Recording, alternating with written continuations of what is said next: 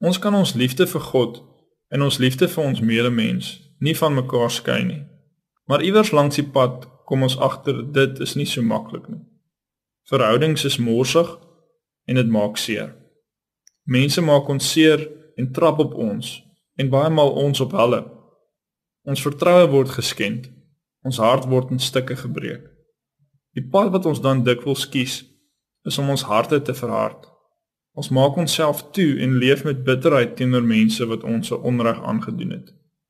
Jesus wil egter hê ons moet vergewe, selfs 70 maal 7 keer. Dit voel vir ons onmoontlik, maar vir God is niks onmoontlik nie. Die rede hoekom ons mekaar kan vergewe, is dat God ons reeds vergewe het. God gee altyd iets voordat hy iets vra. Vergifnis trek 'n streep deur die reg om wraak te neem. Vergifnis is om te kies om dit wat iemand aan jou gedoen het, nie teen hulle te hou nie, omdat God niks teen jou hou nie. Daar is niks wat iemand aan jou kan doen wat erger is as wat Jesus reeds vir jou vergewe het nie. Daarom kan jy en moet jy vergewe. Die probleem is net dat ons dikwels nie besef hoe baie dinge die Here ons vergewe het nie. En dan sukkel ons om vergifnis vrylik aan ander mense te skenk. Hoe werk vergifnis dan?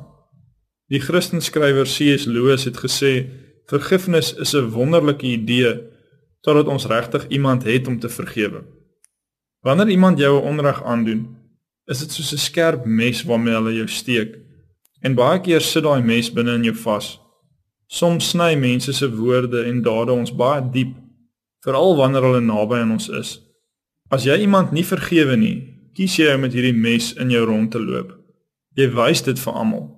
Kyk wat het hy aan my gedoen. Jy kies om op die pyn te fokus. Jy dra die bitterheid en die verwyte in jou hart rond. Vergifnis is om die mes uit te haal en niks teen iemand te hou nie. Baie mense dink hulle sal vergewe sodra hulle genees het. Die probleem hiermee is dat 'n wond nooit genees terwyl die mes nog in jou is nie. Jy moet eers die mes uithaal voordat jy gesond kan word. Jy moet eers vergewe voordat jy kan genees, nie andersom nie. Vergifnis maak nie alles dadelik beter of makliker nie, maar dit maak jou vry. Die wond gaan nog seer wees, maar die mes gaan nie meer hou vas op jou hê nie. As ons vergewe, maak ons onsself en ander mense vry en kan die proses van genesing begin.